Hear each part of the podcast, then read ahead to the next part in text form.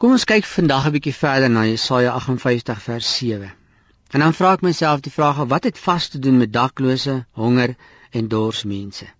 In vers 7 raak God sommer baie prakties. As ek na die konteks kyk, dan dink ek nie dat dit ooit God se bedoeling was dat ek en jy skuldig moet voel oor die feit dat ons 'n dak oor ons kop het, die feit dat ons kos het om te eet of iets het om te drink nie. Dis nooit God se bedoeling met Jesaja 58 nie. Maar kom ons kyk na die teks. Hier is die mense besig om te vas. Alles is in plek. Hulle doen alles reg. Maar hulle bly lekker, hulle eet lekker en hulle drink lekker. Jy wonder seker hoekom ek dit sê want die Jode het meestal gevas van sonop tot sononder. So voor sonop het hulle lekker geëet, lekker gedrink en dan vas hulle heeldag en dan in die aande doen hulle weer dieselfde en hulle slaap onder 'n dak.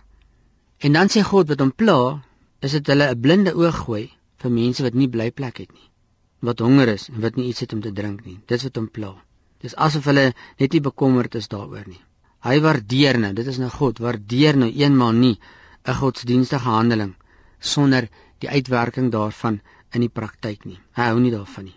Wat hierna verwys is dat jy net nie iewers 'n blinde oog kan gooi vir daklose honger en dors mense terwyl jy met 'n godsdienstige handeling van vas besig is nie. Iewerste moet jy jou hande vuil maak, sal ons in Afrikaans sê. As jy net dit geniet wat jy het, en nie uitkom om iewers te mense wat dakloos is of mense wat nie 'n dak oor hulle kop het nie en jy speel nie iewers 'n rol daar nie kan jy vas tot jy blou is. Dit sal God nie behaag nie.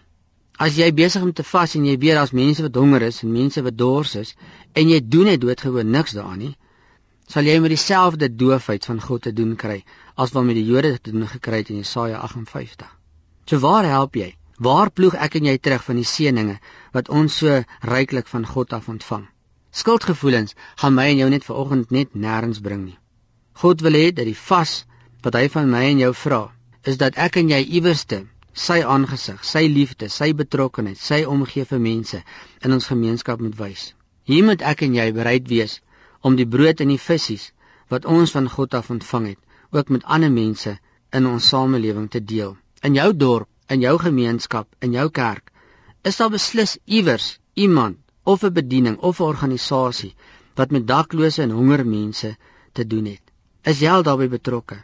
Wat gaan ek en jy maak met die vas waarmee ek en jy elke keer besig is wanneer ons wel vas? Vas is nie net 'n godsdienstige handeling wat ek en jy moet verrig nie. Vas vir God is om ook uit te reik na die gemeenskap waarbinne ek en jy lewe, om ook vir hulle te help met die nood wat hulle ervaar elke dag. Raak betrokke. Kies dit. Geef van jou tyd, gee van jou besittings, gee van jou finansies, maar kry net jou hande iewers vuil.